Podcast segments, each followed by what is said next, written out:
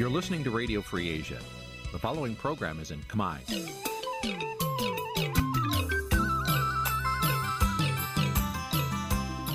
នេះជាកម្មវិធីផ្សាយ Vuthu Azizi Serai នេះជាកម្មវិធីផ្សាយរបស់ Vuthu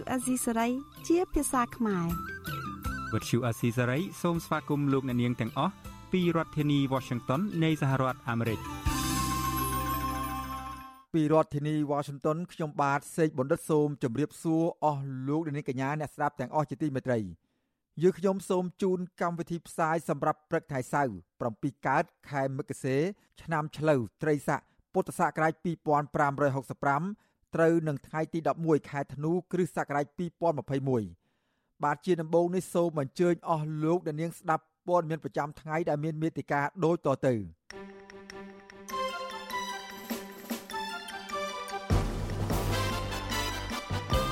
លោកសំរងស៊ីថាសម្ព័ន្ធភាពលោកនិងលោកកំសខាមិនបែកបាក់ឡើយ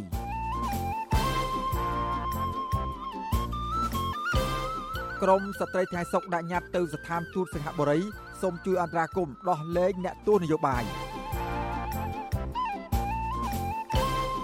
តំណាងគណៈបកសង្គ្រោះជាតិនៅអាមេរិកចូលរួមបាតកម្មភ្លើងទៀននៅទីក្រុងញូវយ៉កប្រវត្តិតស៊ូរបស់លោកស៊ិនខុនកាលនៅមានជីវិត រួមនឹងព័ត៌មានផ្សេងផ្សេងមួយចំនួនទៀត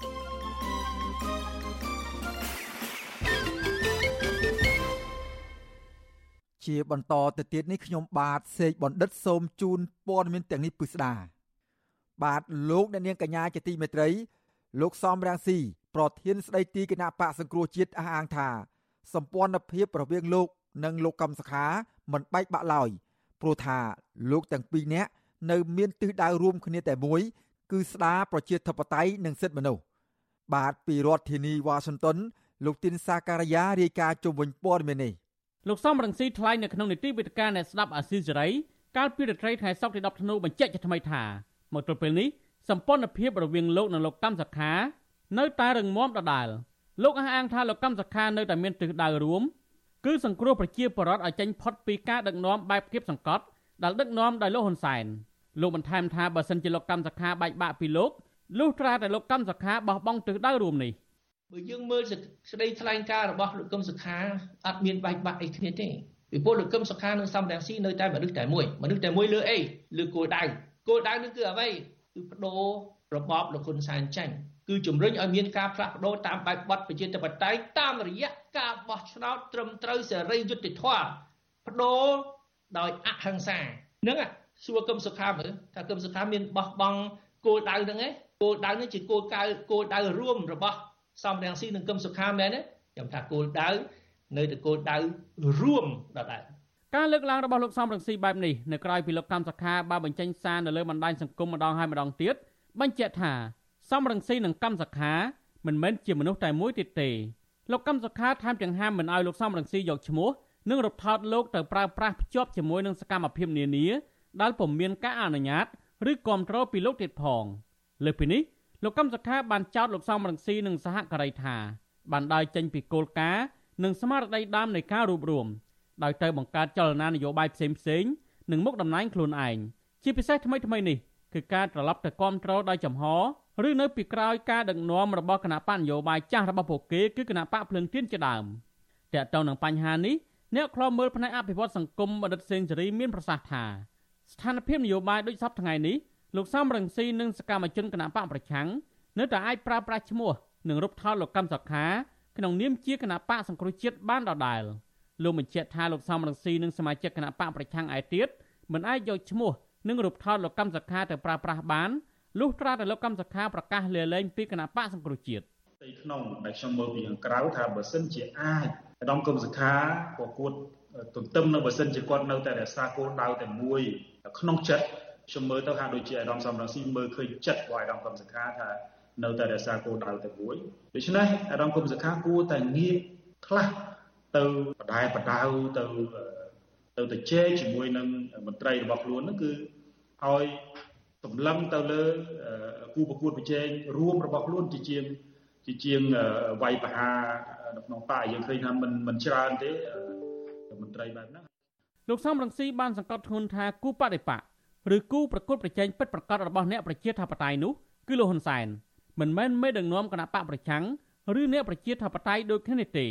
លោកថាយុទ្ធសាស្ត្រដែលអាចយកឈ្នះលោកហ៊ុនសែនបាន មានតែការបង្រួបបង្រួមកម្លាំងប្រជាធិបតេយ្យទាំងអស់ទើបអាចឲ្យអ្នកប្រជាធិបតេយ្យខ្លាំងនិងជួយជំរុញឲ្យមានការបោះឆ្នោតដោយសេរីនិងយុត្តិធម៌ពិតប្រាកដលោកនៅតែមានជំនឿថាលោកកម្មសខា នៅតែមានគំនិតចង់បង្រួបបង្រួមកម្លាំងប្រជាធិបតេយ្យដោយលោកដែរលោកបញ្ជាក់ទៀតថាកន្លងមកលោកនិងលោកកម្មសខា បានជជែកគ្នាអំពីយុទ្ធសាស្ត្រសំខាន់សំខាន់ដើម្បីធ្វើការរួមគ្នា យកឈ្នះមេដឹកនាំរដ្ឋាភិបាលលហ៊ុនសែននៅពេលអនាគតខ្ញុំទីនសាការីយ៉ាអសិសរីប្រធានីវ៉ាស៊ីនតោនបាទលោកអ្នកនាងកញ្ញាជាទីមេត្រីតំណាងសាខាគណៈបកសង្គ្រោះជាតិប្រមាណ30នាក់នៅសហរដ្ឋអាមេរិកបានទៅចូលរួមជាមួយនឹងសកម្មជនសិទ្ធិមនុស្សមកពីប្រទេសមួយចំនួន រួមមានមីយ៉ាន់ម៉ាឬភូមាចិនហុងកុង និងតៃវ៉ាន់ព្រមទាំងអង្គការអន្តរជាតិជាច្រើនទៀតនៅក្នុងពិធីបាតកម្មភ្លើងទៀន នៃការប្រារព្ធទិវាសិទ្ធិមនុស្សអន្តរជាតិ10ធ្នូកាលពីថ្ងៃសុក្រក្នុងទីក្រុងញូវយ៉កប្រធានសាខាគណៈបកសង្គ្រោះជាតិប្រចាំសហរដ្ឋអាមេរិកនិងកាណាដាលោកអ៊ុងរិទ្ធីមានប្រសាសន៍ប្រាប់វិទ្យុអាស៊ីសេរីថាគោលបំណងសំខាន់នៃការចូលរួមពិធីបាតកម្មភ្លើងទៀននៅថ្ងៃប្រារព្ធទិវាសិទ្ធិមនុស្ស10ធ្នូដើម្បីទាមទារឲ្យរដ្ឋាភិបាលនៃប្រទេសមួយចំនួនរួមទាំងប្រទេសកម្ពុជាផងគោរពសិទ្ធិមនុស្សនិងលទ្ធិប្រជាធិបតេយ្យ ពួកយើងបានកើតជើញពីអ្នករៀបចំនឹងចូលរួមក្នុងកម្មវិធីរំលឹកខួបទិវាសិទ្ធិមនុស្សពិភពលោកនៃអង្គការសហប្រជាជាតិនៅទីក្រុងញូវយ៉កនៅថ្ងៃសុក្រនេះគឺថ្ងៃនេះឯងថ្ងៃទី10ខែធ្នូវេលាម៉ោង5កន្លះល្ងាចគេធ្វើពិធីបុណ្យដុតភ្លើងទៀនដើម្បីសម្លឹកខួបដល់ទិវាសិទ្ធិមនុស្សអន្តរជាតិបានហើយការចូលរួមនេះគឺមានប្រជាប្រដ្ឋមកពីប្រទេសភូមា ចិនតៃវ៉ាន់និងចិនហុងកុងព្រមទាំងអង្គការផ្សេងៗទៀតអាចជា5ដល់10អង្គការចូលរួមហើយខ្មែរយើងដែលចូលរួមគឺសុទ្ធសាធរំពីគណៈបក្សសង្គ្រោះជាតិអាមេរិកចំណែកប្រធានសាខាគណៈបកសង្គ្រោះជាតិនៅតំបន់រដ្ឋធានីវ៉ាស៊ីនតោនអ្នកស្រីងឹមពិសិដ្ឋមានប្រសាសន៍ថាការទៀមទារួមគ្នានេះដើម្បីឲ្យពិភពលោកបានដឹងថានៅកម្ពុជា មានការរំលោភសិទ្ធិមនុស្សធ្ងន់ធ្ងររហូតដល់ចាប់ខ្លួនសកម្មជនគណៈបកប្រឆាំង និងសកម្មជនសង្គមនានាដាក់ក្នុងពន្ធនាគារនៅពេលដែលពួកគេបញ្ចេញមតិយើងទៅចូលរួមនឹងដើម្បីទាមទារអំពីសិទ្ធិមនុស្សពួកឯថ្ងៃទី10ធ្នូហ្នឹងគឺជាថ្ងៃទីវាសិទ្ធិមនុស្សអន្តរជាតិណាចាពីព្រោះនៅទីក្រុងហុងកុងនៅតៃវ៉ាន់ហើយនៅភូមាហើយនឹងយើងជាខ្មែរហ្នឹងគឺមានការរំលោភសិទ្ធិសេរីភាពរបស់ប្រជាពលរដ្ឋអញ្ចឹងថ្ងៃទី10ធ្នូហ្នឹង ជាថ្ងៃពិធីសិទ្ធិអន្តរជាតិហ្នឹងយើងទៅធ្វើរួមគ្នាធ្វើហ្នឹងគឺចង់បញ្ជាក់បង្ហាញថាយើងចង់ទាមទារយកសិទ្ធិរបស់យើងជាប្រជាពលរដ្ឋហ្នឹងនៅថ្ងៃទីវាសិទ្ធិអន្តរជាតិហ្នឹងលោកអង្គរដ្ឋីឲ្យដឹងទៀតថាក្រៅពីការធ្វើបាតកម្មភ្លើងទៀនកាលពីល្ងាចថ្ងៃសុក្រទី10ខែធ្នូក្រុមអ្នកចូលរួមប្រមាណជាង300នាក់គ្រោងចូលរួមធ្វើបាតកម្មទាមទារឲ្យមានការស្ដារលទ្ធិប្រជាធិបតេយ្យ និងការគោរពសិទ្ធិមនុស្សឡើងវិញនៅក្នុងប្រទេសកម្ពុជាមីយ៉ាន់ម៉ាឬភូមា នៅហុងកុងនិងតៃវ៉ាន់ជាដើម នៅរសៀលថ្ងៃទី11ខែធ្នូចាប់ពីម៉ោង1ដល់ម៉ោង3រសៀលនៅទីប្រជុំជន Times Square ក្នុងទីក្រុងញូវយ៉ក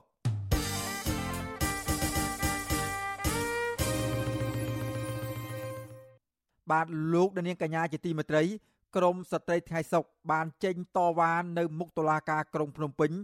និងបន្តដាក់ញត្តិទៅស្ថានទូតសង្ហបុរីប្រចាំនៅកម្ពុជាដើម្បីសូមឲ្យរដ្ឋាភិបាលប្រទេសនេះជំរុញទៅរដ្ឋាភិបាលលោកហ៊ុនសែនអនុវត្តស្មារតីកិច្ចព្រមព្រៀងសន្តិភាពទីក្រុងប៉ារីសនិងដោះលែងអ្នកទោសនយោបាយដែលកំពុងជាប់ពន្ធនាគារសកម្មភាពក្រមស្ត្រីទាំងនេះគឺធ្វើឡើងចំខួប73ឆ្នាំនៃទិវាសិទ្ធិមនុស្សអន្តរជាតិថ្ងៃទី10ធ្នូក្រមស្ត្រីថ្ងៃសុកចំនួនជាង10នាក់បាននាំគ្នាលើកបដាស្រែកទាមទារ នៅមុខតុលាការក្រុងភ្នំពេញនិងតាមដងផ្លូវទៅស្ថានទូតសិង្ហបុរីប្រចាំកម្ពុជា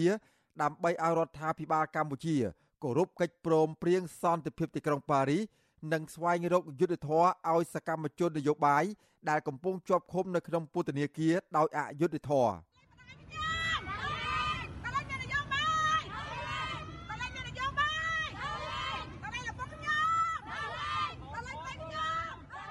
ដោយលើកមុនមុនដែរសកម្មភាពដោយសន្តិវិធី និងស្របតាមច្បាប់របស់ក្រមស្ត្រីថៃសុកនេះបានរងការយាយីនិងរំខានពីក្រមសន្តិសុខនិងអាជ្ញាធររាជធានីភ្នំពេញដែលជាបរិសប្រមាណ50នាក់ដោយពួកគេរារាំងរុញច្រានទាញបដានិងប្រើហិង្សាលើក្រមស្ត្រី នៅមុខសាលាដំបងរាជធានីភ្នំពេញនិងតាមដងផ្លូវឆ្ពោះទៅស្ថានទូតសង្ហបុរី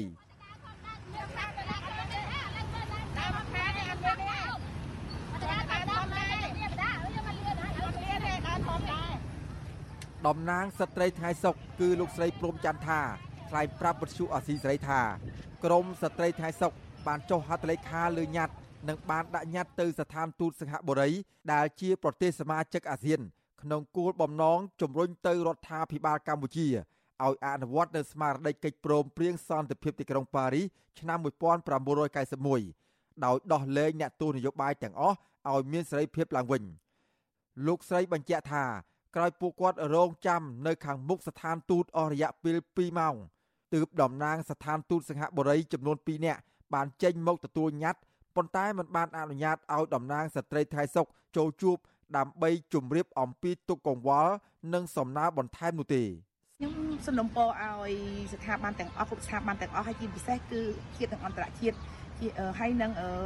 សង្គមស៊ីវិលទាំងអស់ហើយនឹងជាពិសេសគឺគ្រប់បណ្ដាប្រទេសដែលគោរពលទ្ធិប្រជាធិបតេយ្យនិងសិទ្ធិមនុស្សទាំងអស់គឺឲ្យលោកផ្ដោតនឹងមើលឃើញពីទុកលំបាករបស់សកម្មជនអ្នកនយោបាយជាជា CNRP តែម្ដងដើម្បីឲ្យពួកគាត់បានដឹងថាតើទុកលំបាករបស់ពួកខ្ញុំយ៉ាងណាជាពិសេសខ្ញុំផ្ដោតទៅលើរដ្ឋាភិបាលទាំងមូល ពួកគាត់គោរពសិទ្ធិមនុស្សឲ្យបានត្រឹមត្រូវមិនត្រូវបំភ្លេចចោលទេជាពិសេសសិទ្ធិសញ្ញាភ័យអន្តរជាតិក្នុងប៉ារីសតែម្ដងឆ្នាំ91ក៏បំភ្លេចអីហើយសូមឲ្យគាត់នឹងចេះស្រឡាញ់ខ្មែរនិងខ្មែរផងកុំធ្វើបាបខ្មែរគ្នាឯងតទៅមុខទៀតងាកទៅអំពើហិង្សាលើក្រុមអ្នកតវ៉ាដោយសន្តិវិធីនោះវិញប្រពន្ធសកម្មជនគណៈបកប្រឆាំងលោកយឹមសារ៉េត គឺលោកស្រីអុកគុនធីរៀបរាប់ថាក្រមសន្តិសុខនិងសមត្ថកិច្ចស្លៀកពាក់ឯកសន្តាន និងស៊ីវិលជាច្រើនអ្នក បានប្រើអំពើហិង្សាលើក្រមស្ត្រីថ្ងៃសុកដោយរុញច្រាននិងទាញយកបដាបណ្ដាលឲ្យលោកស្រីរងរបួសធ្ងន់និងមួយចំនួនទៀតរងរបួសស្រាលដោយរបួសសើស្បែកនិងមានស្នាមជាំលើដៃជើងជាដើមលោកស្រីចាត់ទុកអំពើហិង្សានិងការរារាំងពីសំណាក់សន្តិសុខនេះគឺជាអំពើខុសខើនិងរំលោភបំពានលើស្ត្រីទុនខ្សោយដែលមិនអាចឲ្យពួកគាត់ទទួលយកបានឡើយ។ វាជាអំពើខុសខើជាទីបំផុតមកបីស្ត្រីដែលមានភាពទន់ខ្សោយជាម្ដាយជាកោពួកគាត់នោះកម្លាំងសិតតែមនុស្សប្រុសមានធំធំមករុញមកច្រានមកអស់គឺគាត់ថានេះជាអំពើអយុត្តិធម៌បំផុតមានទទួលយកអត់បានពួកគាត់ទាំងអស់គ្នានឹងបដិញ្ញាចិត្តមិនចុកចាញ់មិនបញ្ឈប់ត្រឹមនឹងនៅតែស៊ូទៅមុខជាស៊ូរហូតទាល់តែពួកគាត់ត្រូវបានដោះលែងឲ្យនៅក្រៅគុំ វិទ្យុអាស៊ីសេរីនៅពុំទាន់អាចតាក់ទងអ្នកនាំពាក្យស្នងការដ្ឋាននគរបាលរាជធានីភ្នំពេញលោកសានសុកសេហាដើម្បីបកស្រាយអំពីការរារាំងនិងហិង្សាលើក្រុមស្ត្រីថ្ងៃសុកនេះទេ នៅថ្ងៃទី10ខែធ្នូប៉ុន្តែក៏ឡងមក លោកសានសុកសេហា តែងតែលើកឡើងដដាលដដាលថាក្រមស្ត្រីដែលចេញដាក់ញត្តិនិងតវ៉ាទាំងនោះមិនបានសូមច្បាប់ពីអាជ្ញាធររាជធានីភ្នំពេញ ទើបអាជ្ញាធរបំបែកដើម្បីរក្សាសន្តិភាពសាធារណៈចំណែកអ្នកនាំពាក្យគណៈកម្មការសិទ្ធិមនុស្សរបស់រដ្ឋាភិបាលលោកកតាអនវិញ លោកប្រាប់វិទ្យុអាស៊ីសេរីថារដ្ឋាភិបាលពុំមានគោលការណ៍អនុញ្ញាតឲ្យក្រមសន្តិសុខឬសមត្ថកិច្ចប្រើហិង្សាលើអ្នកតវ៉ាដោយអហិង្សានោះទេទោះយ៉ាងណា លោកចាត់ទុកសកម្មភាពតវ៉ារបស់ក្រមស្ត្រីថ្ងៃសុកធ្វើឡើងក្នុងរូបភាពសម្ដែង ដើម្បីឆ្លៀតឱកាសកេងចំណេញនយោបាយ។ បងប្អូនប្រទេសថ្ងៃសុខក៏ដូចជាក្រុមផ្សេងផ្សេងទៀតតែងតែយកឈិរកាសជាពិសេសក្នុងពិធីបនសិទ្ធិមនុស្ស10ខ្លួនដែលជាតិនេះបង្ហាញទៅរូបភាពឲ្យសង្គមមើលឲ្យបរទេសមើលហើយទៅអ្វីទៅខុសច្បាប់ដើម្បីឲ្យអាជ្ញាធររារាំងហើយទៅផ្ដិតរូបនោះបង្ហាញថាកម្ពុជារបស់នោះនេះជាចេតនាអាក្រក់ទុយពីការលើកឡើងរបស់មន្ត្រីរដ្ឋាភិបាលនេះក្រមអ្នកការពារសិទ្ធិមនុស្សបានថ្កោលទោសអំពើហិង្សា ដែលកើតឡើងជាបន្តបន្ទាប់ពីសំណាក់អាជ្ញាធរលើអ្នកតវ៉ាដោយសន្តិវិធីប្រធានសមាគមការពារសិទ្ធិមនុស្សអាត6លោកនីសុខាសោកស្ដាយចំពោះអាជ្ញាធរមានសមត្ថកិច្ចដែលបន្តប្រើហិង្សាគំរាមកំហែងនិងរដ្ឋបិទលើក្រមស្ត្រី ដែលស្វែងរកយុត្តិធម៌ដល់ក្រមគ្រួសាររបស់ពួកគាត់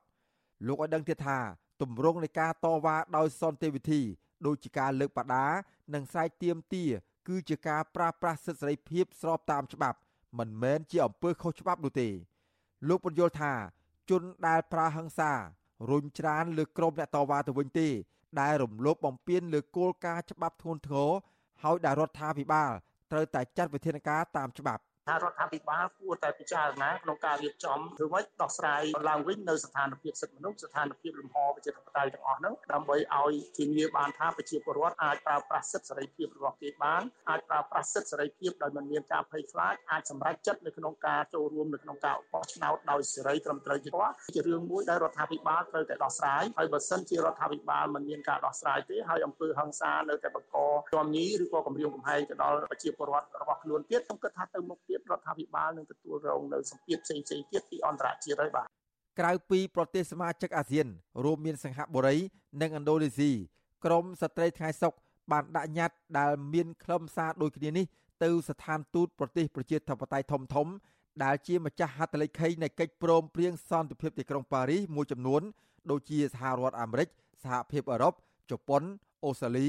និងបារាំង ព្រមទាំងការិយាល័យឧត្តមស្នងការអង្គការសហប្រជាជាតិទទួលបន្ទុកសិទ្ធិមនុស្សប្រចាំនៅកម្ពុជាជាដើមក្រមស្ត្រីថ្ងៃសុកអះអាងទៀតថាពួកគាត់នៅតែបដិញ្ញាចិត្តចេញតវ៉ានិងដាក់ញត្តិជូនទៅស្ថានទូតប្រទេសប្រជាធិបតេយ្យផ្សេងផ្សេងទៀតរហូតតុលាការទម្លាក់ចោលការចោទប្រកាន់និងដោះលែងក្រុមគ្រួសាររបស់ពួកគាត់ឲ្យមានសេរីភាពវិញបើទោះបីពួកគាត់ប្រឈមនឹងការគំរាមកំហែងបៀតបៀន និងអំពើហិង្សាពីសំណាក់អាជ្ញាធរនិងក្រមសន្តិសុខក៏ដោយ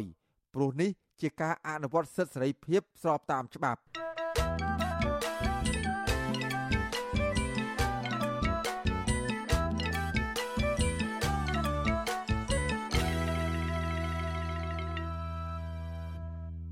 បាទលោកអ្នកនាងកញ្ញាជាទីមេត្រីពាក់ព័ន្ធនឹងទិវាសិទ្ធិមនុស្សនេះដែរ ក្រុមអង្គការសមាគមសហជីពយុវជន និងប្រជាពលរដ្ឋប្រមាណជាង200នាក់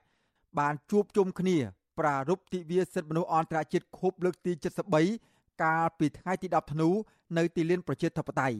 ពួកគាត់បានផ្ញើសារទាមទាររដ្ឋាភិបាល ស្ដារសិទ្ធិមនុស្សលទ្ធិប្រជាធិបតេយ្យនៅកម្ពុជាឡើងវិញឆ្លើយតបនឹងសំណើរបស់មន្ត្រីអង្គការសង្គមស៊ីវិលមេដឹកនាំរដ្ឋាភិបាលឯកបៈលើកឡើងថា សិទ្ធិសេរីភាពរបស់ប្រជាពលរដ្ឋនៅក្នុងពេលបច្ចុប្បន្ននេះមានភាពល្អប្រសើរច្រើនជាងនៅក្នុងរបបប៉ុលពតបាទលោកនាងនឹងបានស្ដាប់សេចក្តីរាយការណ៍ពិស្ដារអំពីរឿងនេះនាពេលបន្តិចទៀតបាទសូមអរគុណបាទងាកមកទំនាក់ទំនងកម្ពុជានិងសហរដ្ឋអាមេរិកវិញ ទីប្រឹក្សាក្រសួងការបរទេសសហរដ្ឋអាមេរិកលោក Derek Chollet ដែលកំពុងបំពេញទស្សនកិច្ចនៅកម្ពុជា បានជំរុញទៅប្រទេសសមាជិកអាស៊ាន ឲ្យបន្តដាក់សម្ពាធលើរបបយោធាភូមិឲ្យគោរពសេចក្តីសម្រេចចំណុចរបស់អាស៊ាន អ្នកវិភាគថានេះជាសារព្រមានរបស់សហរដ្ឋអាមេរិកទៅលោកហ៊ុនសែនឲ្យគោរពគោលការណ៍អាស៊ាន ដែលតម្កល់គោលការណ៍ប្រជាធិបតេយ្យជាធំ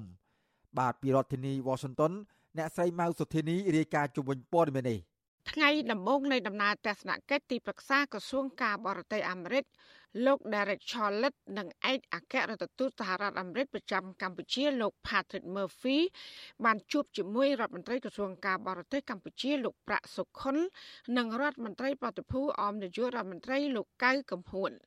លោក Derek Chollet សរសេរលើបណ្ដាញសង្គម Twitter ថ្ងៃទី10ខែធ្នូថាលោករីករាយដែលបានជជែកជាមួយនឹងលោកកៅកំហួនគណៈកម្ពុជានៅក្លាយជាប្រធានបដូវវេនអាស៊ាននៅឆ្នាំ2022ខាងមុខ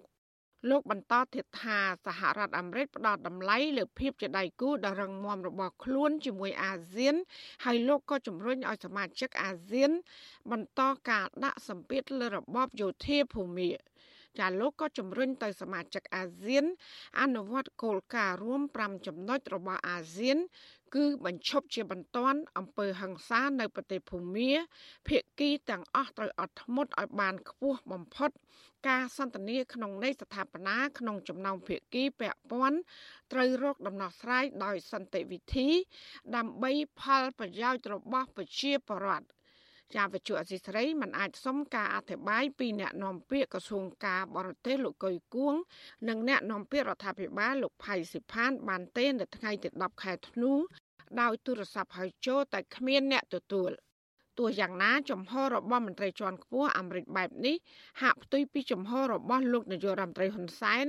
ដែលនឹងក្លាយជាប្រធានបដូវវេនអាស៊ាននៅឆ្នាំ2022ខាងមុខដែលលោកមានបំណងធ្វើការជាមួយនឹងមេដឹកនាំយោធាភូមា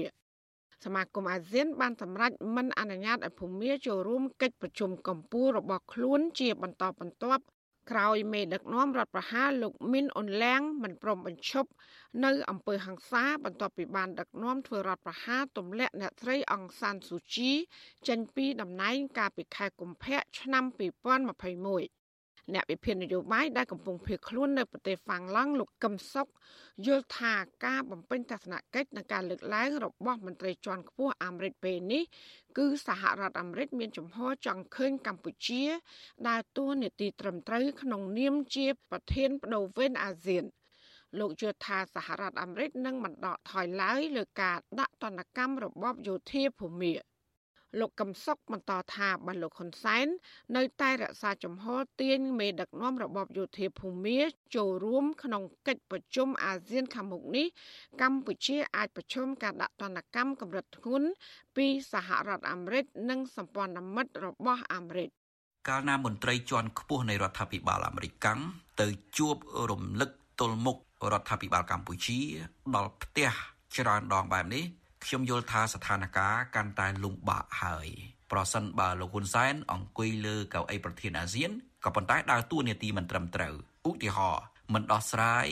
រដ្ឋប្រហារនៅប្រទេសភូមាក៏ប៉ុន្តែបែរជាលើកដំកើងមេរដ្ឋប្រហារមានអង្គលៀងទៅវិញលោកហ៊ុនសែនកាលពីថ្ងៃទី7ខែធ្នូកន្លងទៅបានជួបពិភាក្សាជាមួយនឹងរដ្ឋមន្ត្រីការបរទេសភូមា លោកវុនណាម៉ោងលីនអំពីកិច្ចសហប្រតិបត្តិការទ្វេភាគីរវាងប្រទេសទាំងពីរក្នុងជំនួបនោះលោកហ៊ុនសែននិងលោកវុនណាម៉ោងលីនបានពិភាក្សាគ្នាអំពីបញ្ហាអាស៊ានផងដែរដោយលោកហ៊ុនសែន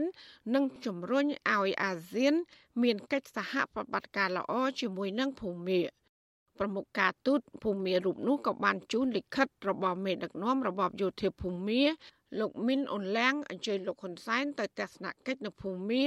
នៅថ្ងៃទី7និងទី8ខែមករាខាងមុខហើយលោកហ៊ុនសែនក៏បានយល់ព្រមតាមការអញ្ជើញនេះកាលពីថ្ងៃទី9ខែធ្នូលោកហ៊ុនសែនថ្លែងថាទោះមានការរិះគន់យ៉ាងណាក្តី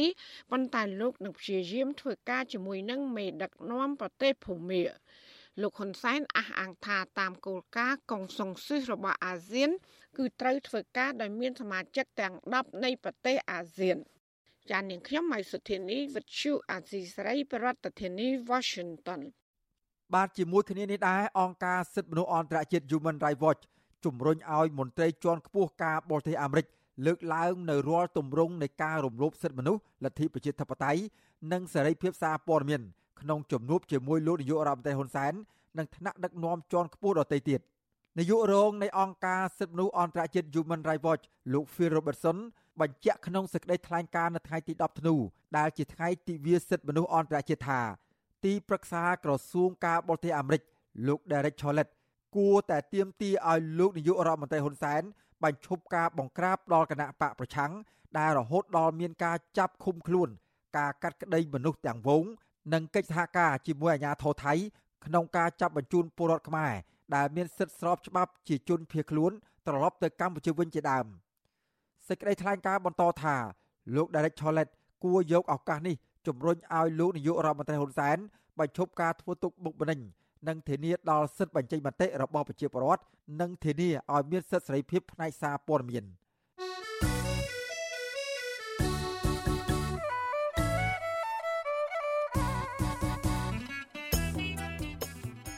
បាទលោកនាងកញ្ញាជាទីមេត្រី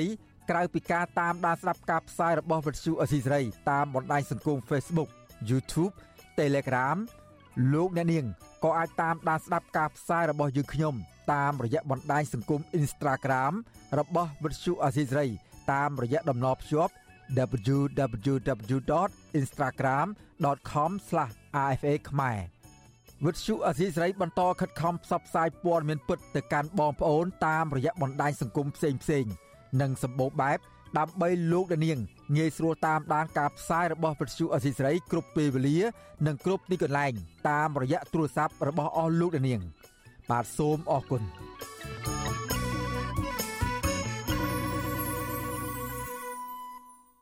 បាទលោកអ្នកនាងកញ្ញាជាទីមេត្រីពាក់ព័ន្ធនឹងជីវិតសកម្មជនគណៈបកប្រឆាំងវិញម្ដង។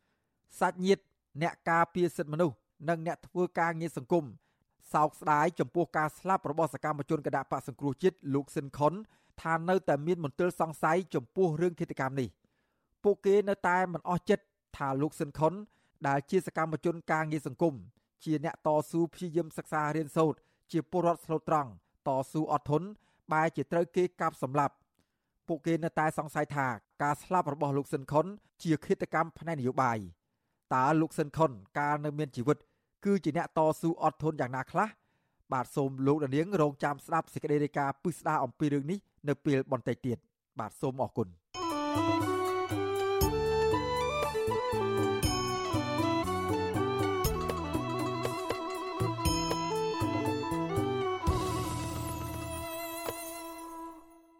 បាទលោកអ្នកនាងកញ្ញាជាទីមេត្រីពាក់ព័ន្ធនឹងបញ្ហាចំនួនដីធ្លីនៅភូមិភាគឦសាននៅវិញ ជនជាតិដើមភាគតិចភ្នងជាច្រើនគ្រួសាររស់នៅខេត្តមណ្ឌលគិរីបានលើកដៃសំពះអង្វរស្នើសុំឲ្យអាជ្ញាធរខេត្តនិងលោកនាយករដ្ឋមន្ត្រីហ៊ុនសែនផ្ដល់កិច្ចអន្តរាគមន៍ជាបន្ទាន់មួយករណីអង្គញាម្នាក់ខុបខិតជាមួយនឹងអាជ្ញាធរស្រុកលបធ្វើប្លង់រឹងដើម្បីរំលោភយកដីសមូហភាពរបស់ពួកគាត់ទំហំ42ហិកតា ពីរដ្ឋធានី Washington អ្នកស្រីខែសុនងរាយការណ៍ជុំវិញព័ត៌មាននេះ ពលរដ្ឋជនជាតិដើមភាគតិចភ្នង8គ្រួសារមានសមាជិក36នាក់រស់នៅភូមិពុទ្រូលើឃុំសែនមនោរមស្រុកអូរាំងនៅថ្ងៃទី10ខែធ្នូបាននាំគ្នាតវ៉ាដោយដង្ហើយរកយុត្តិធម៌ក្នុងករណីអុកញ៉ាម្នាក់ឈ្មោះស្រីចន្ទធូបានខុបខិតជាមួយអភិបាលស្រុកអូរាំងលោកសៀកមូនីលបធ្វើប្លង់រឹងប៉ះចំដីសមរភាពរបស់ពួកគាត់ទំហំ42ហិកតាតំណាងពលរដ្ឋ លោកមលុះតេនឲ្យដឹងថាអ្នកភូមិភ្ញាក់ផ្អើលនៅគ្រាដែលដីសមរភាពដែលពួកគាត់អាស្រ័យផល42ឆ្នាំមកហើយបែរជាមានប្លង់រឹងដោយឈ្មោះអុកញ៉ាស្រីចន្ទធូជាម្ចាស់កម្មសិទ្ធិលោកបញ្ជាក់ថាអ្នកភូមិមិនដឹងថាគេលួចធ្វើប្លង់រឹងនៅពេលណានោះទេហើយមកទល់ពេលនេះពួកគាត់មិនអាចចូលទៅអាស្រ័យផលនៅលើដីនោះបានឡើយលោកសំពះអង្វរស្នើសុំឲ្យរដ្ឋាភិបាលផ្ដល់ដំណោះស្រាយបន្ទាន់មួយព្រោះប្រសិនបើរបូតដីនោះ ពួកលោកនឹងគ្មានដីបង្កបង្កើនផលចិញ្ចឹមជីវិតទៀតទេអញ្ញាធរជាមួយអុកញ៉ាស្រីមទូគាត់ចុចកដោរបស់ខ្ញុំគេលួចចុចយកថប្លង់រឹងហ្មងកម្មសិទ្ធិរបស់គេហ្មងទំហំដីរបស់ខ្ញុំ42ហត្តាលើក្បាលដីរបស់ខ្ញុំហ្នឹងពលរដ្ឋម្នាក់ទៀតលោកស្រីជើបេនថ្លែងថាដីសមរភាពទាំងនេះគឺជាអាយុជីវិតរបស់ពលរដ្ឋ8គ្រួសារអាស្រ័យផលជាង4ទសវត្សរ៍មកហើយ លោកស្រីថាដីសមរភាពទាំងនោះអ្នកភូមិតែងតែធ្វើចំការវិលជុំដូចជាដាំដំឡូងនិងស្រូវជាដើមពួកខ្ញុំតែរੂដោយសារដីហ្នឹងហើយបើអត់ដីពួកខ្ញុំនឹងមិនស្គាល់ហើយជំនឿភាគតិចអត់មានហើយពួកខ្ញុំជំនឿភាគតិចមានតែដាំស្រូវដាំដំឡូងដាំបន្លែក្នុងឆ្ការចំកូនចំចៅតែប៉ុណ្្នឹងឯងហើយចុះបើនេះធ្វើការនិរដ្ឋគាត់បំពេញប្រជាជនអញ្ចឹងប្រជាជនរស់នៅកន្លែងណាវត្តឈូអាស៊ីសេរីមិនអាចតាក់ទងសុំការបំភ្លឺរឿងនេះ ពីអភិបាលស្រុកអូរាំងលោកសៀកមូនី និងអ្នកនាំពាក្យសាលាខេត្តមណ្ឌលគិរីលោកសុនសរុនបាននៅឡើយទេនៅថ្ងៃទី10ខែធ្នូដោយទូរស័ព្ទហៅចូលច្រើនដង តែគ្មានអ្នកលើកចំណែកអុកញ៉ាស្រីចន្ទធូក៏មិនអាចតាក់ទងបានដែរនៅថ្ងៃដដែលនេះប៉ុន្តែអភិបាលស្រុកអូរាំងលោកសៀកមូនី បានប្រាប់ពលរដ្ឋថាលោកមិនបានរំលោភយកដីសមរភាពទាំងនេះទេហើយអាជ្ញាធរស្រុកកំពុងសិក្សានិងរកដំណោះស្រាយតាមស្ថានភាពជាក់ស្ដែង ជុំវិញរឿងនេះនាយករងទទួលបន្ទុកផ្នែកឃ្លាំមើលសិទ្ធិមនុស្សនៃអង្គការលីកាដូលោកអំសំអាតពន្យល់ថាការធ្វើប្លង់រឹងឬចុះបញ្ជីកម្មសិទ្ធិដីធ្លីអាចធ្វើឡើងបានត្រូវមានការព្រមព្រៀងជាមួយពលរដ្ឋដែលមានព្រំដីជាប់គ្នានិងត្រូវបិទប្រកាសជាសាធារណៈប្រសិនបើគ្មានការតវ៉ាទើបមន្ត្រីជំនាញមានសិទ្ធិចាញ់ប្លង់រឹងបានលោកបញ្ជាក់ថាប្រសិនបើការធ្វើប្លង់រឹងដោយស្ងាត់ស្ងាត់ ដោយមិនអនុញ្ញាតឲ្យពលរដ្ឋដែលធ្លាប់កាន់កាប់ដីបានដឹងឮគឺជាទង្វើខុសច្បាប់ ជាបានកម្មសិទ្ធិដីធ្លីណាដែលបានមកដោយមានលក្ខណៈមិនសមស្របហើយបងប្អូនជាពលរដ្ឋដែលរងផលប៉ះពាល់ព្រោះថាគាត់កាន់កាប់អាស្រ័យផលយូរហើយគាត់ជាអ្នកកាន់កាប់ដីហ្នឹងប៉ុន្តែមានអ្នកផ្សេងទៅជាមានបានកម្មសិទ្ធិនៅលើដីហ្នឹងអាហ្នឹងគាត់អាចនឹងប្តឹងធ្វើការតវ៉ាទៅស្ថាប័នពាក់ព័ន្ធហ្នឹងដើម្បីឲ្យធ្វើការស្រាវជ្រាវនិងស៊ើបអង្កេតស្វែងរកយុត្តិធម៌សម្រាប់ពួកគាត់ណាមន្ត្រីសង្គមស៊ីវិលរូបនេះស្នើឲ្យអាជ្ញាធរខេត្តមណ្ឌលគិរីនិងស្ថាប័នពាក់ព័ន្ធត្រូវស្រាវជ្រាវឡើងវិញករណីនេះថាតើការចុះបញ្ជីដីនេះត្រឹមត្រូវតាមច្បាប់ដែរឬយ៉ាងណា ទីប្រឹក្សាបណ្ដាញសហគមន៍ជនជាដើមភាគតិចភ្នងលោកក្រើងតុលាចាត់ទុកចំនួនដីធ្លីនេះថាជាកំហុសឆ្គងរបស់អាជ្ញាធរខេត្តមណ្ឌលគិរីដែលគ្មានយន្តការច្បាស់លាស់ការពារដីសមរភាពដែលជាទ្រព្យសម្បត្តិសាធារណៈរបស់រដ្ឋចានាងខ្ញុំខែសុណងវັດឈូអាស៊ីសេរីរាយការណ៍ពីរដ្ឋធានី Washington បាទលោកនាងកញ្ញាជាទីមេត្រីពាក់ព័ន្ធនឹងបញ្ហាបរិស្ថានព្រៃឈើវិញម្ដងមន្ត្រីសង្គមស៊ីវិលនិងសកម្មជនបរិស្ថានរិះគន់តុលាការខេត្តរតនគិរីថា បានពជាពេលអនុវត្តច្បាប់លើមេភូមិនិងមេឃុំក្នុងសំណុំរឿងបទល្មើសឧក្រិដ្ឋព្រៃឈើពួកគេចាត់ទុកទង្វើនេះថាជាការឆ្លុះបញ្ចាំងពីភាពកំសោយនៃការអនុវត្តច្បាប់បាទពីរដ្ឋធានីវ៉ាស៊ីនតោនលោកលេងម៉ាលីរាយការណ៍ជំវិញព័ត៌មាននេះមន្ត្រីសង្គមស៊ីវិលនិងសកម្មជនបរិស្ថានរិះគន់តុលាការខេត្តរតនគិរីថាពន្យាពេលអនុវត្តច្បាប់លើមេភូមិនិងមេឃុំក្នុងសំណុំរឿងបទល្មើសព្រៃឈើពួកគេចាត់ទុកទង្វើនេះ ថាឆ្លុះបញ្ចាំងពីភាពកំសោយនៃការអនុវត្តច្បាប់មន្ត្រីអង្គការសង្គមស៊ីវិលនិងសកម្មជនបរិស្ថានបន្តទាមទារឲ្យតុលាការខេត្តរតនគិរីសហការជាមួយមន្ត្រីនគរបាលយុតិធធថាត្រូវនាំខ្លួនមេភូមិកែងសាន់លោកញួងគួត និងមេឃុំសេដា លោកអង្គប៊ុនធៀងរួមទាំងអ្នកពាក់ព័ន្ធមកផ្ដន្ទាទោសតាមច្បាប់ ការលើកឡើងនេះគឺក្រោយពីមេភូមិនិងមេឃុំរូបនេះបានខົບខិតជាប្រព័ន្ធ ចុះហត្ថលេខាផ្ទេរសិទ្ធិកាន់កាប់ដីធ្លីទំហំរាប់រយហិកតាស្ថិតក្នុងដែនជំរកសត្វព្រៃលំផាត់បង្កើតឲ្យមានអ ுக ្រិតកម្មព្រៃឈើជាច្រើន រួមមានការទន្ទ្រានដីព្រៃអភិរក្សខុសច្បាប់ និងកាប់ឈើមានតម្លៃខុសច្បាប់ជាដើមសកម្មជនបរិស្ថានដែលជាជនជាតិដើមភាគតិចទំពួនលោកខំនិនប្រាប់វិទ្យុអស៊ីសេរីនៅថ្ងៃទី10ធ្នូថាអ្នកភូមិ4នាក់បានបង្ហាញផុសតាង និងឯកសារជាច្រើន ដែលមេភូមិកែងសាន់និងមេឃុំសេដា មានជាប់ពាក់ព័ន្ធការកាប់ទន្ទ្រានដីព្រៃអស់រាប់រយហិកតាទៅកាន់ព្រះរាជអាជ្ញានិងចៅក្រមខេត្តរតនគិរីជាបន្តបន្ទាប់តាំងពីឆ្នាំ2017ប៉ុន្តែលោកថារហូតមកដល់ពេលនេះពុំឃើញតុលាការចាប់ខ្លួនមេភូមិនិងមេឃុំទាំងពីររូបនេះទៅផ្ដន្ទាទោសតាមច្បាប់នៅឡើយទេ។ លើកអស់ហើយឡើងជាពលរដ្ឋវាអស់កម្លាំងហើយបាទធ្វើមិនអត់ចាញ់ទេវាអស់លីងលត់ហើយនោះដើមធ្វើជាពលរដ្ឋស្លាប់ប្រពៃណីកន្លែងតំបន់ស្លាប់ជំនឿអីស្លាប់ដាក់មងចាំអូខ្ញុំក្បីគ្មានសល់ទេគាត់ជំរះអស់លីងលត់ហើយនោះមេភូមិនោះសកម្មជនបរិស្ថានរូបនេះបន្ថែមថាដោយសារខ្វះការអនុវត្តច្បាប់បែបនេះទើបធ្វើឲ្យសកម្មភាពកាប់បំផ្លាញព្រៃសហគមន៍ភូមិកែងសាន់កាន់តែរៀលធំឡើង រហូតឈានដល់បាត់បង់ព្រៃទាំងស្រុង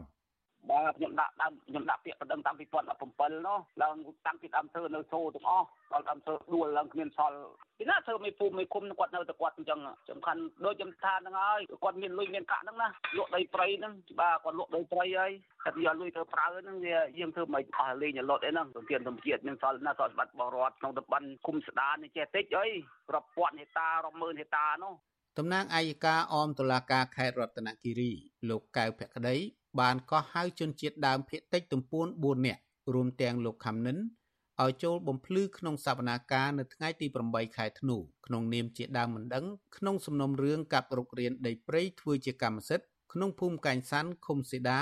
នៃដែនជំរកសត្វព្រៃលំផាត់ប៉ុន្តែតុលាការបែរជាលើកពេលជំនុំជម្រះទៅថ្ងៃក្រោយដោយគ្មានការកំណត់អ្នកនាំពាក្យសាលាដំបងខេត្តរតនគិរី លោកកៅពិសុទ្ធថ្លែងថា លោកមិនដឹងពីមូលហេតុដែលចៅក្រមជំនុំជម្រះលើកពេលសវនកម្មរឿងក្តីនេះឡើយហើយក៏មិនអាចបកស្រាយចំពោះមតិរិះគន់នានាបានដែរព្រោះនេះជាឆន្ទានុសិទ្ធិរបស់ចៅក្រមលោកខំនិនបន្ថែមថាកន្លងទៅតំណាងអាយកានិងចៅក្រមស៊ើបសួរបានចុះពិនិត្យស្ថានភាពព្រៃឈើជាក់ស្ដែង ពីទំហំព្រៃឈើរាប់ពាន់ហិកតា ដែលជាកន្លែងជនជាតិដើមភាគតិចអាស្រ័យផល ក្នុងដែនជំរកសត្វព្រៃលំផាត់ដែលត្រូវបានអាជ្ញាធរមូលដ្ឋានខុបខិតគ្នាពុះលក់បែបអនាធិបតេយ្យវិទ្យុអស៊ីសេរីមិនទាន់អាចតាក់ទងសុំការបំភ្លឺរឿងនេះពីមេភូមិកែងសាន់លោកញួងគួត និងមេភូមិសេដាលោកអង្គប៊ុនធៀងបាននៅឡើយទេ នៅថ្ងៃទី10ធ្នូជុំវិញរឿងនេះមន្ត្រីពង្រឹងសិទ្ធិអំណាចសហគមន៍មូលដ្ឋាននៃសមាគមអាត់ហុក ដែលតែងតែចូលរួមស្ដាប់សវនាការគឺលោកប៉ែនប៊ុនណាអះអាងថាតុលាការខេត្តរតនគិរីបានរកឃើញកំហុសរបស់មេភូមិនិងមេឃុំរួមទាំងអ្នកពាក់ព័ន្ធប៉ុន្តែមិនទាន់ចាប់ខ្លួនជនសង្ស័យទាំងនេះនៅឡើយទេលោកថាក្នុងបណ្ដឹងរបស់សហគមន៍បានបញ្ជាក់ពីអាជីវកម្មឈើទ្រង់ទ្រាយធំដែលឈ្មួញបានកាប់រំលំឈើមូលធំធំចេញពីដែនជំរកសត្វព្រៃលំផាត់ទៅលក់នៅប្រទេសវៀតណាម មានជាប់ពាក់ព័ន្ធមេភូមិកែងសាន់មេភូមិសមុទ្រក្រោមនិងមេឃុំសេដាបាទពីព្រោះវាអត់ដែលឃើញថាអ្នកទៅកាប់រៀនដីព្រៃធំធំនោះមានជាប់គុកវាជាប់តែអ្នកការពារព្រៃឈើហ្នឹងអញ្ចឹងវាអាចយុត្តិធម៌បាទទោះបីជា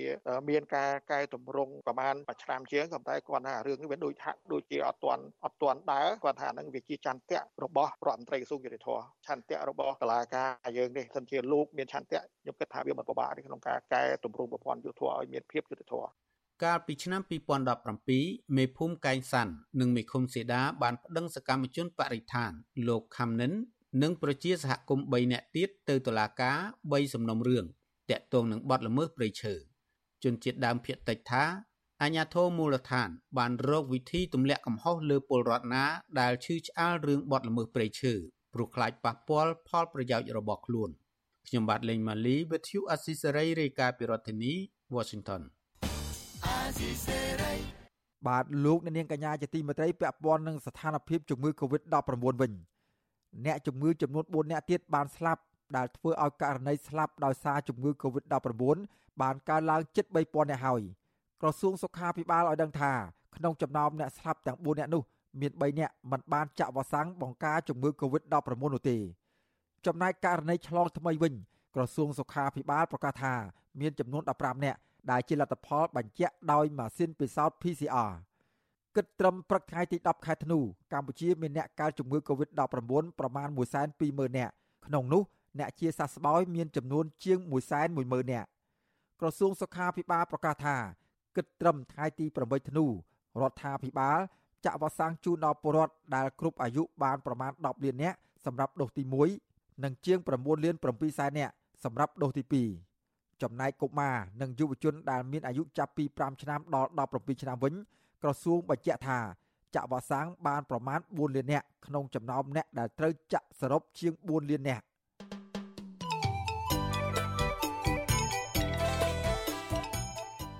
បាទលោកអ្នកនាងកំពុងតាមដានស្ដាប់ការផ្សាយរបស់វិទ្យុអសីសេរីពីរដ្ឋធានីវ៉ាស៊ីនតោនសហរដ្ឋអាមេរិក ក្រៅពីលោកអ្នកនាងស្ដាប់ការផ្សាយរបស់វិទ្យុអសីសេរីតាមបណ្ដាញសង្គម Facebook និង YouTube នោះលោកអ្នកនាងក៏អាចស្ដាប់ការផ្សាយរបស់យើងខ្ញុំក្នុងពេលដំណើរគ្នានេះដែរតាមរយៈវិទ្យុរលក ធារកាសខ្លីឬ Shortwave តាមកម្រិតនិងកម្ពស់ដូចតទៅនេះពេលព្រឹកចាប់ពីម៉ោង5កន្លះដល់ម៉ោង6កន្លះតាមរយៈរលកធារកាសខ្លី13715 kHz ស្មើនឹងកម្ពស់ 22m ពេលយប់ចាប់ពីម៉ោង7កន្លះដល់ម៉ោង8កន្លះតាមរយៈរលក ធារកាសខ្លី9960 kHz ស្មើនឹងកម្ពស់ 30m និង11240 kHz ស្មើនឹងកម្ពស់ 25m បាទសូមអរគុណ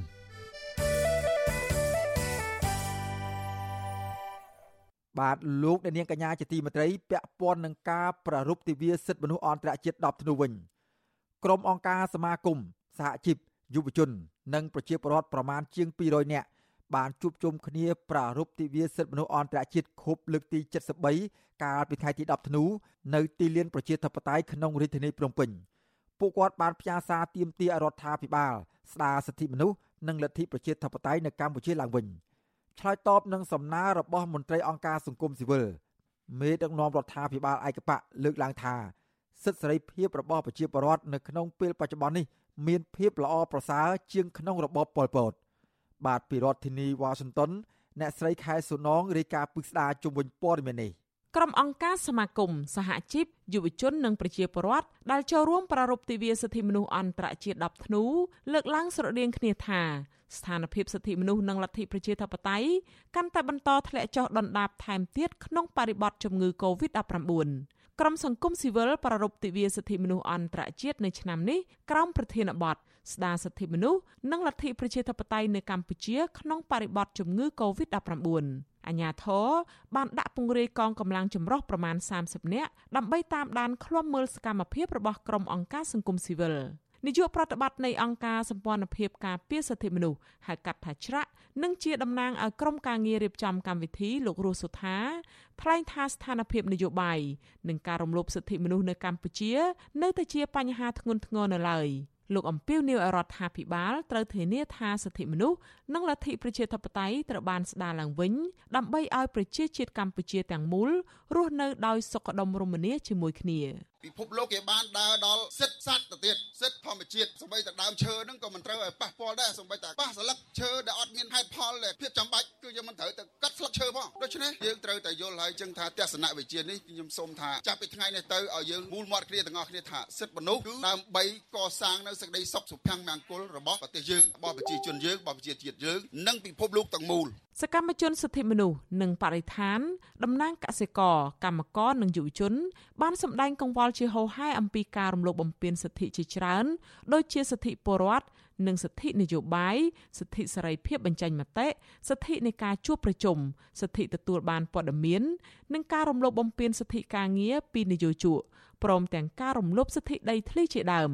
ពួកគាត់ទាមទារឲ្យរដ្ឋាភិបាលបញ្ឈប់ការធ្វើទុកបុកម្នេញគ្រប់បែបយ៉ាងហើយត្រូវបើកលំហប្រជាធិបតេយ្យនិងសិទ្ធិសេរីភាពជាមូលដ្ឋានរបស់ប្រជាពលរដ្ឋឡើងវិញ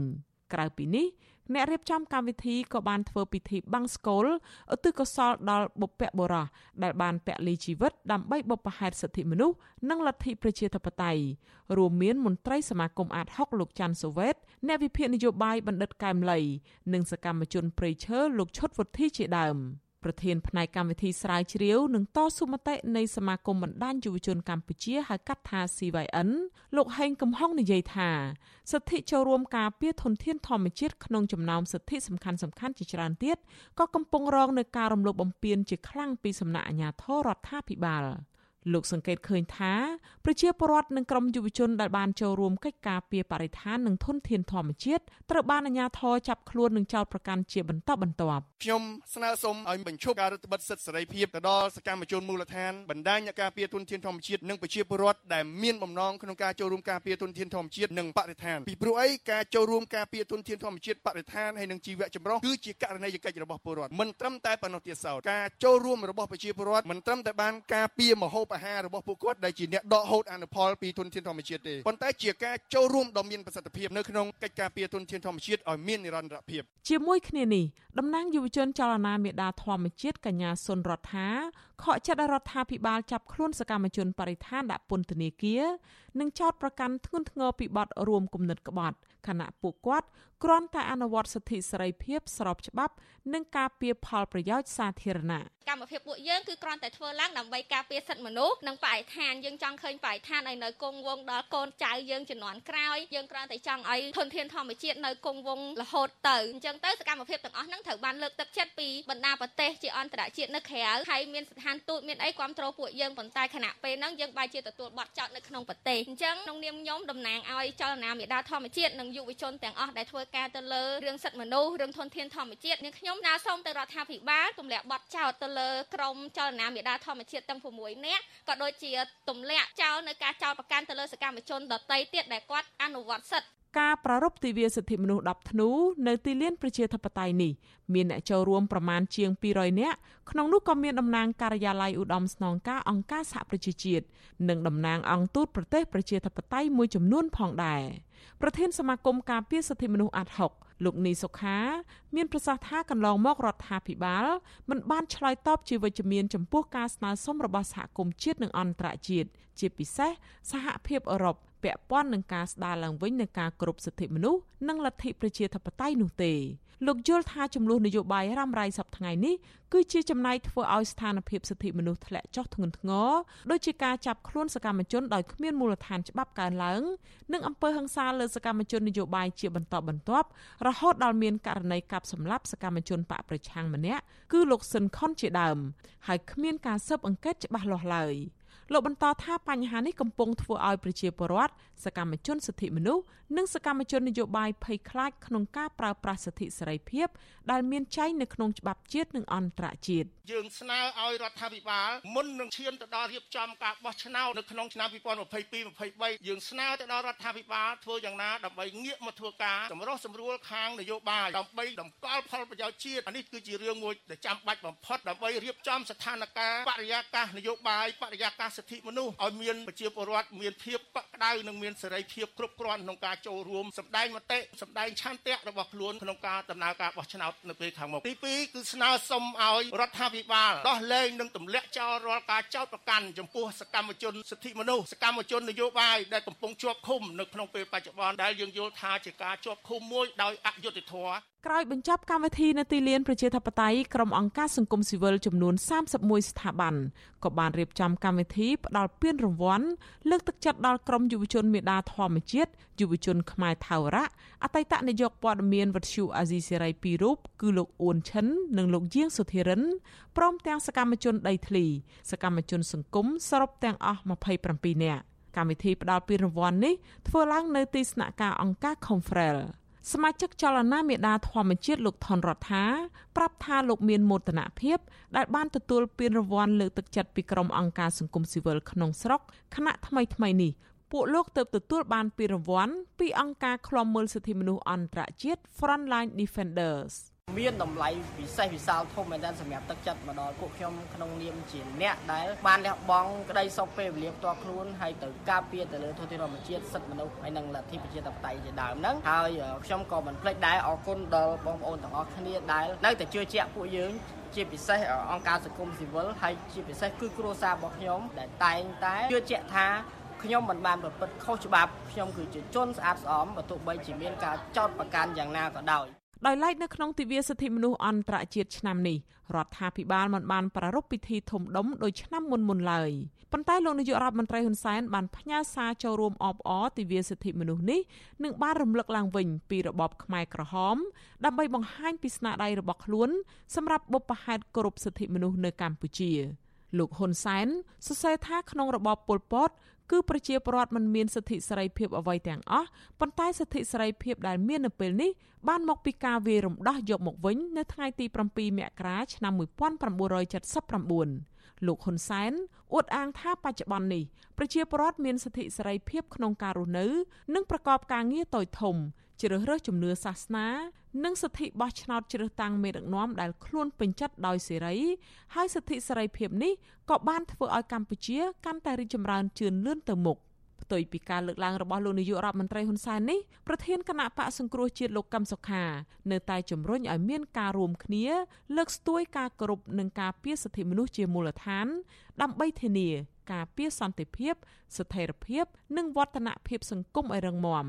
លោកសរសេរនៅលើ Facebook ថាការមិនអោយតម្លៃសិទ្ធិមនុស្សការមិនគោរពសិទ្ធិគ្នាទៅវិញទៅមក ជាពិសេសការរំលោភសិទ្ធិមនុស្សគឺជាដើមចំនៃចំនួនទាំងឡាយដែលអាចរីករាលដាលរហូតដល់មានសង្គ្រាម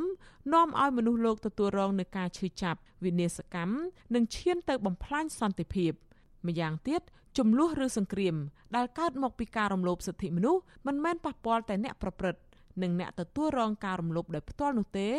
គឺរាលដាលទៅបំផ្លាញអ្នកដទៃប្រទេសជាតិនិងពិភពលោកទៀតផង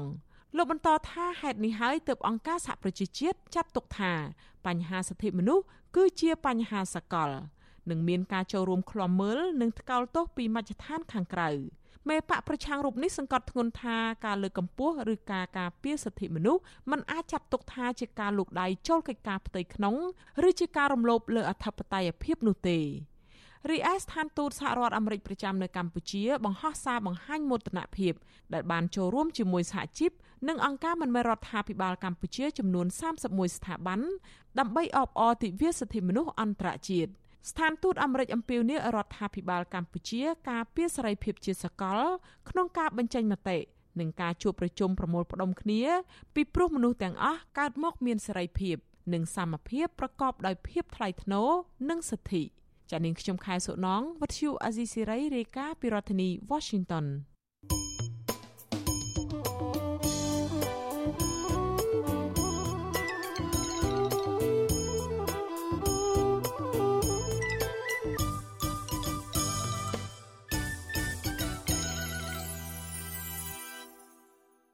បាទលោកដានៀងកំពុងតាមដានស្រាប់ការផ្សាយរបស់វិទ្យុអស៊ីសេរីពីរដ្ឋធានី Washington សហរដ្ឋអាមេរិកសាច់ញាតិ អ្នកការពារសិទ្ធិមនុស្សនិងអ្នកធ្វើការងារសង្គម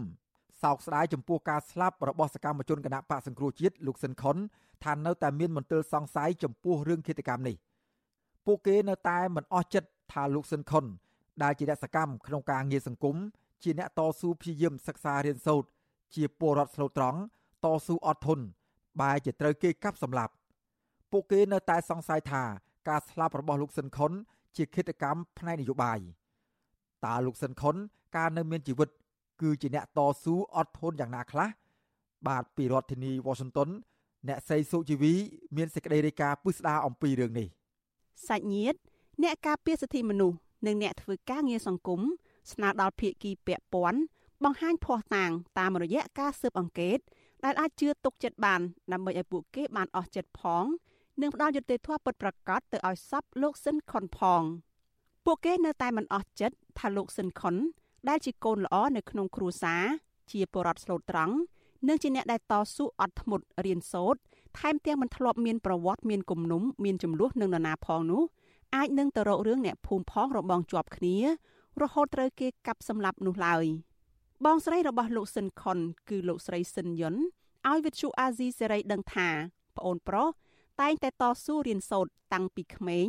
រហូតមកដល់ពេលបច្ចុប្បន្ននេះលោកស្រីថាក្រុមគ្រួសារសោកស្ដាយរកនិយាយអ្វីមិនត្រូវព្រោះក្នុងត្រកូលកសិករមួយនេះគឺមានតែលោកស៊ិនខុនម្នាក់គត់ដែលជាអ្នកចេះដឹងរៀនសូត្របានខ្ពស់លោកស្រីថាបាត់បង់លោកស៊ិនខុនធ្វើឲ្យការខិតខំប្រឹងប្រែងតស៊ូអត់ឃ្លានរបស់ក្រុមគ្រួសារអស់ជាច្រើនឆ្នាំដើម្បីផ្ដល់ប្រាក់ឲ្យលោកស៊ិនខុនទៅរៀនសូត្រនោះបានក្លាយជាអាសាឥតការ សោកស្ដាយអូនអើយច្បាស់សោកស្ដាយមែនទែនខ្ញុំបីលើផ្ទះបងហ៊ានឡើងនេះគេនឹងថតវាគេនឹងថតវាពេលណាហូតទឹកភ្នែកពេលណាគឺពុកម្ដាយមកនឹងវាក៏ឡើងយំមកវាក៏ឡើងយំមកគេមិនបាច់ថាមកមកអំបងគ្រួសារខ្ញុំឯងគេដល់ពូជហ្មងមកពូជចេះតែវានឹងមួយរៀនរៀនបានពូជសំទេតែវានឹងអត់មានណាបានជាមួយលោកសិនខុនជាកូនទី5នៅក្នុងគ្រួសារក្រីក្រ នៅភូមិជែកឃុំចម្ប៉ាស្រុកព្រៃកបាស់ខេត្តតាកែវតាំងពីកុមារភាពសិនខុនផ្ដោតតែលើការសិក្សារៀនសូត្រ ហើយអ្នកភូមិដែលស្គាល់លោកសុទ្ធតែដឹងថាលោកជាក្មេងស្លូតត្រង់ដើម្បីបំពេញបំណងចង់រៀនសូត្របានខ្ពស់របស់លោកស៊ិនខុននេះបើទោះបីជាក្រីក្រយ៉ាងណាក៏ឪពុកម្ដាយនិងបងបងរបស់លោកស៊ិនខុនប្រឹងប្រែងគ្រប់មធ្យោបាយទាំងអស់មានទាំងលក់ដីស្រែបញ្ចាំគេអាករនិងជំពាក់បំណុលជុំទិសដើម្បីបានប្រាក់ផ្គត់ផ្គង់ការសិក្សារបស់លោកដោយសង្ឃឹមថាលោកនឹងអាចជួយជ្រោមជ្រែងគ្រួសារឡើងវិញនៅថ្ងៃក្រោយ ព្រះសង្ឃមួយអង្គដែលមិនបញ្ចេញព្រះនាមគង់នៅវត្តចាស់នៅកុដជាមួយលោកស៊ិនខុនរំលឹកថាលោកស៊ិនខុនចង់បន្តការសិក្សាឲ្យដល់ថ្នាក់បណ្ឌិតបន្ទាប់ពីបានបញ្ចប់ថ្នាក់អនុបណ្ឌិតប្រដេចប្រគុណបន្តថាមិនដែលធ្លាប់ឮថាលោកស៊ិនខុន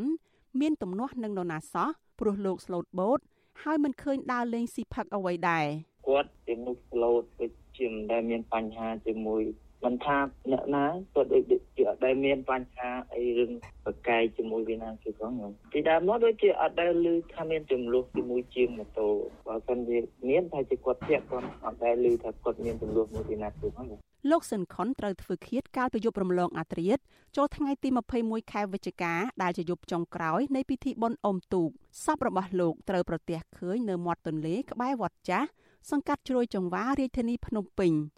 សពលោកស៊ិនខុនមានស្នាមកាប់ដោយកំបិតជាច្រើនកន្លែង នៅលើក្បាលដងខ្លួននិងជើង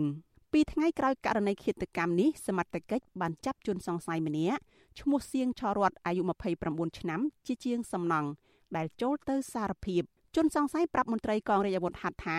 ខ្លួនបានកាប់សម្លាប់ជនរងគ្រោះដោយផ្ដើមចេញពីគំនុំព្រោះតែខឹងនឹងជនរងគ្រោះផឹកស្រាស្រវឹងទៅលោឡារករឿងនៅកន្លែងជួសជុលម៉ូតូរបស់ប្អូនជនសង្ស័យ ពេលខ្ញុំម្ដងខ្ញុំថាខ្ញុំគិតចិត្តខ្ញុំថាបើមកអត់ឃើញវានិយាយជាមួយប្អូនខ្ញុំទេនិយាយវាដើរទៅណាផ្សេងក៏វាអត់និយាយមួយប្អូនខ្ញុំហ្មងខ្ញុំអត់ឃើញវាទេទេម្ដងខ្ញុំឃើញវាកំពុងនិយាយមួយប្អូនខ្ញុំដែរប្អូនខ្ញុំនៅបកស្រាយវាកាន់តែគៀកប្អូនខ្ញុំប្អូនខ្ញុំកាន់តែថយខ្ញុំថយបានខ្ញុំបានលើកដៃកាប់វាទៅកាប់មកកបិតតាមខ្ញុំនេះហ្មងខ្ញុំអត់ចាំទេតែហែប្រហែលប្រហែលទៅមកបិទបើទោះជាយ៉ាងណាចម្លើយសារភាពនេះបញ្ជាក់ផ្ទុយពីបុគ្គលិកលក្ខណៈរបស់លោកស៊ិនខុនដែលគ្រួសារ អ្នករស់នៅជាមួយនឹងញាតិក្នុងភូមិធ្លាប់ស្គាល់តាក់ទងនឹងមន្ទិលសង្ស័យនេះបងស្រីលោកស៊ិនខុនគឺលោកស្រីស៊ិនយុនស្នើដល់ស្ថាប័នពាក់ព័ន្ធឲ្យបើកការស៊ើបអង្កេតដោយឯករាជ្យដើម្បីផ្ដល់យុត្តិធម៌ឲ្យប្អូនប្រុសអ្នកនាំពាក្យការិយាល័យទទួលបន្ទុកសិទ្ធិមនុស្សរបស់អង្គការសហប្រជាជាតិលោក Rupert Colville បានស្នើឲ្យអាជ្ញាធរកម្ពុជាបើកការស៊ើបអង្កេតឯករាជ្យមួយព្រោះស្ថាប័ននេះបារម្ភពីភាពមិនស៊ីគ្នារវាងភ័ស្តុតាងរបស់អាជ្ញាធរ និងព័ត៌មាននានាពីករណីឃាតកម្មនេះដែលខាងការិយាល័យនេះប្រមូលបានឆ្លើយតបរឿងនេះតំណាងកម្ពុជាប្រចាំអង្គការសហប្រជាជាតិចាត់ទុកសំណើរបស់អ្នកនាំពាក្យការិយាល័យសិទ្ធិមនុស្សនៃអង្គការសហប្រជាជាតិនេះថាមានចរិតនយោបាយដែលនាំឲ្យមានការភ័ន្តច្រឡំព្រោះអាញាធរកម្ពុជាមិនដែលប្រងើយកន្តើយចំពោះសេចក្តីរាយការណ៍អំពីអក្រិតកម្មណាមួយនោះទេចំណែកអ្នកនាំពាក្យរដ្ឋាភិបាលលោកផៃស៊ីផានប្រាប់វិទ្យុអាស៊ីសេរីថារដ្ឋាភិបាល មិនអាចបង្កើតក្រុមស៊ើបអង្កេតតាមការចង់បានណាមួយដែលមិនស្របនឹងច្បាប់កម្ពុជាឡើយលោកថាអ្នកពាក់ព័ន្ធអាចសហការជាមួយតុលាការដាក់ភ័ស្តុតាងដើម្បីរកយុត្តិធម៌ស្របគ្នានេះប្រធានតុលាការក្រុងភ្នំពេញលោកតាំងសុនឡាយបញ្ជាក់ដែរថារឿងក្តីនេះស្ថិតនៅក្នុងដំណាក់កាលស៊ើបអង្កេតរបស់តុលាការយ៉ាងណាក៏ដោយអ្នកនាំពាក្យសមាគមការពារសិទ្ធិមនុស្សអាត6លោកសឹងសែនករុណាថ្លែងថាសំណុំរឿងនេះមានចំណុចសង្ស័យជាច្រើន លោកថា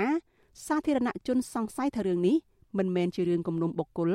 ប៉ុន្តែជាឃាតកម្មពាក់ព័ន្ធនឹងការធ្វើទុកបុកម្នេញផ្នែកនយោបាយទៅវិញទេការពិតទៅ ពេលដែលដំណាក់កាលតឡាការក៏ដោយក៏ពេលដែលបើកសវនាការច្បាស់ណាស់ថាជាមានការចូលទៅស្ដាប់ចូលទៅតាមតាមទៅលើការអនុវត្តច្បាប់ទាំងចំណាត់ការរបស់សមាជិកទាំងខាងតឡាការនឹងហើយទៅពេលដែលសវនាការមួយកើតឡើងដោយมันមានព័ត៌មានមានផុសតាងគ្រប់គ្រាន់ក្នុងការចោទប្រកាន់អាចនឹងធ្វើឲ្យជនជាប់សង្ស័យនឹងរួចខ្លួនទៅទៀតអ្វីទាំងអស់សុទ្ធតែយោងទៅលើការសារភាពដែលយើងមើលឃើញណាត្រឹមឆ្នាំ2021នេះលោកស៊ិនខុនមានអាយុ31ឆ្នាំ គឺជាយុវជនគណបកសង្គ្រោះជាតិខណ្ឌជ្រោយចង្វារាជធានីភ្នំពេញលោកតែងបញ្ចេញមតិរិះគន់រដ្ឋាភិបាលពីភាពអយុត្តិធម៌សង្គមលើបណ្ដាញសង្គម Facebook ជាហូរហែលោកធ្លាប់របួសក្បាលធ្ងន់ធ្ងរម្ដងរួចមកហើយដោយត្រូវជន់មិនស្គាល់មុខលបវាយកាលពីខែឧសភាលោកធ្លាប់ប្រាប់វិទ្យុអាស៊ីសេរីការដែលលោកបានដាក់ពាក្យប្តឹងឲ្យអាជ្ញាធរតាមចាប់អ្នកវាយធ្វើបាបលោកថាលោកមិនរំពឹងថានឹងបានយុត្តិធម៌ឡើយ ហើយរាល់ការវាយធ្វើបាបរូបលោកក៏ដោយសារតែលោកមិនព្រមបោះបង់ជំហររិះគន់រដ្ឋាភិបាលនិងគាំទ្រគណៈបកសង្គ្រោះជាតិក្រៅពីក្លាហានរិះគន់រដ្ឋាភិបាលលោកស៊ិនខុនក៏សកម្មទៅតាមដានសវនកម្មកាត់ទោសសកម្មជនគណបកប្រឆាំងសកម្មជនសង្គមនៅខាងមុខតុលាការ និងចូលរួមការតវ៉ាឲ្យដោះលែងអ្នកទាំងនោះថែមទៀតប្រធានសហភាពសហជីពកម្ពុជាលោករងឈុនថ្លែងថា លោកពិបាកនឹងជឿសម្ដីរបស់ជនសង្ស័យដែលអះអាងតែម្នាក់ឯងបែបនេះណាស់លោកបារម្ភពីរឿងឃាតករសពនិមិត្តដោយករណីឃាតកម្មលោកជាវិជា និងឃាតកម្មលោកបណ្ឌិតកែមលី ត្បិតត្បិតតែលោកស៊ិនសខុនពេលហ្នឹងគាត់មិនទាន់មានថាប្រជាប្រិយទាន់មានអ្នកគ្រប់គ្រងច្រើនប៉ុន្តែការងារសង្គមរបស់គាត់គាត់សកម្មទី2ការសម្លាប់គេថាសម្លាប់មួយដើម្បីប្រមានឬគម្រាមរយរាប់ពាន់ចឹងនៅពេលដែលមនុស្សដែលសកម្មមួយត្រូវបានបាត់បង់ជីវិតដោយមិនមានហេតុផលប្រកបវិជ្ជាត្រូវតែបង្កើតគណៈកម្មការធ្វើការស៊ើបអង្កេតរកមុខអគិតកោពិត លុបបំបត្តិនៅករណីតនភាពដោយករណីលោកជាវិជាករណីលោកឈុតវិធី លោកកាំលៃមកដល់ពេលនេះក៏នៅតែមិនទាន់ឃើញពន្លឺយុត្តិធម៌រំលឹកដល់គិតកម្មសហជីពកម្មករលោកជាវិជាកាលពីឆ្នាំ2004កាលនោះសមត្ថកិច្ចបានចាប់លោកបនសំណាងនិងសុកសំអឿនដាក់ពន្ធនាគារអស់ជាច្រើនឆ្នាំប៉ុន្តែក្រោយមកការពិតបានលាតត្រដាងថាអ្នកទាំងពីរជាឃាតករសពនិមិត្តចំណែកករណីឃាតកម្មលើអ្នកវិភាគលោកបណ្ឌិតកែមលីវិញ ក៏ស្រដៀងនឹងលោកស៊ិនខុនដែរសមត្ថកិច្ចបានចាប់បរោះអឿតអាងដែលហៅខ្លួនឯងថាជួបសម្លាប់ដែលសារភាពថាបានបាញ់សម្លាប់លោកបណ្ឌិតព្រោះតែរឿងជំពាក់លុយ3000ដុល្លារ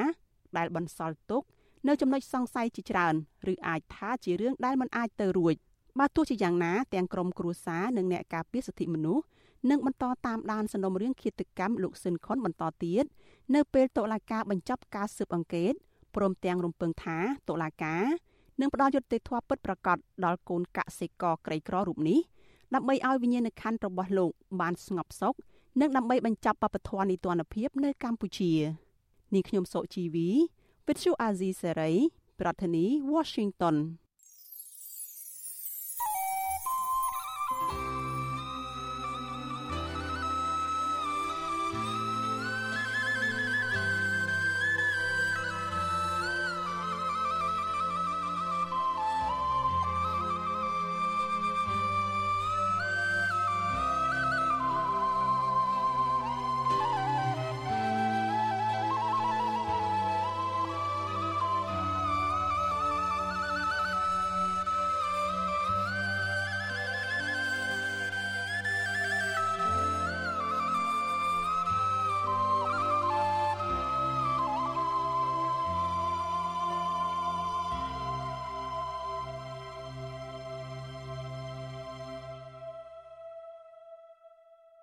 លោកនាងកញ្ញាជាទីមេត្រីការផ្សាយរយៈពេល1ម៉ោងរបស់វិទ្យុអសីសេរីសម្រាប់ព្រឹកនេះចប់តែប៉ុណ្ណេះខ្ញុំបាទសេកបណ្ឌិតសូមគោរពជូនពរដល់អស់លោកអ្នកនាងព្រមទាំងក្រុមគ្រួសារទាំងអស់ឲ្យជួបប្រកបតែនឹងសេចក្តីសុខចម្រើនរុងរឿងកំបីគ្លៀងគ្លេឡើយខ្ញុំបាទសូមអរគុណនិងសូមជម្រាបលា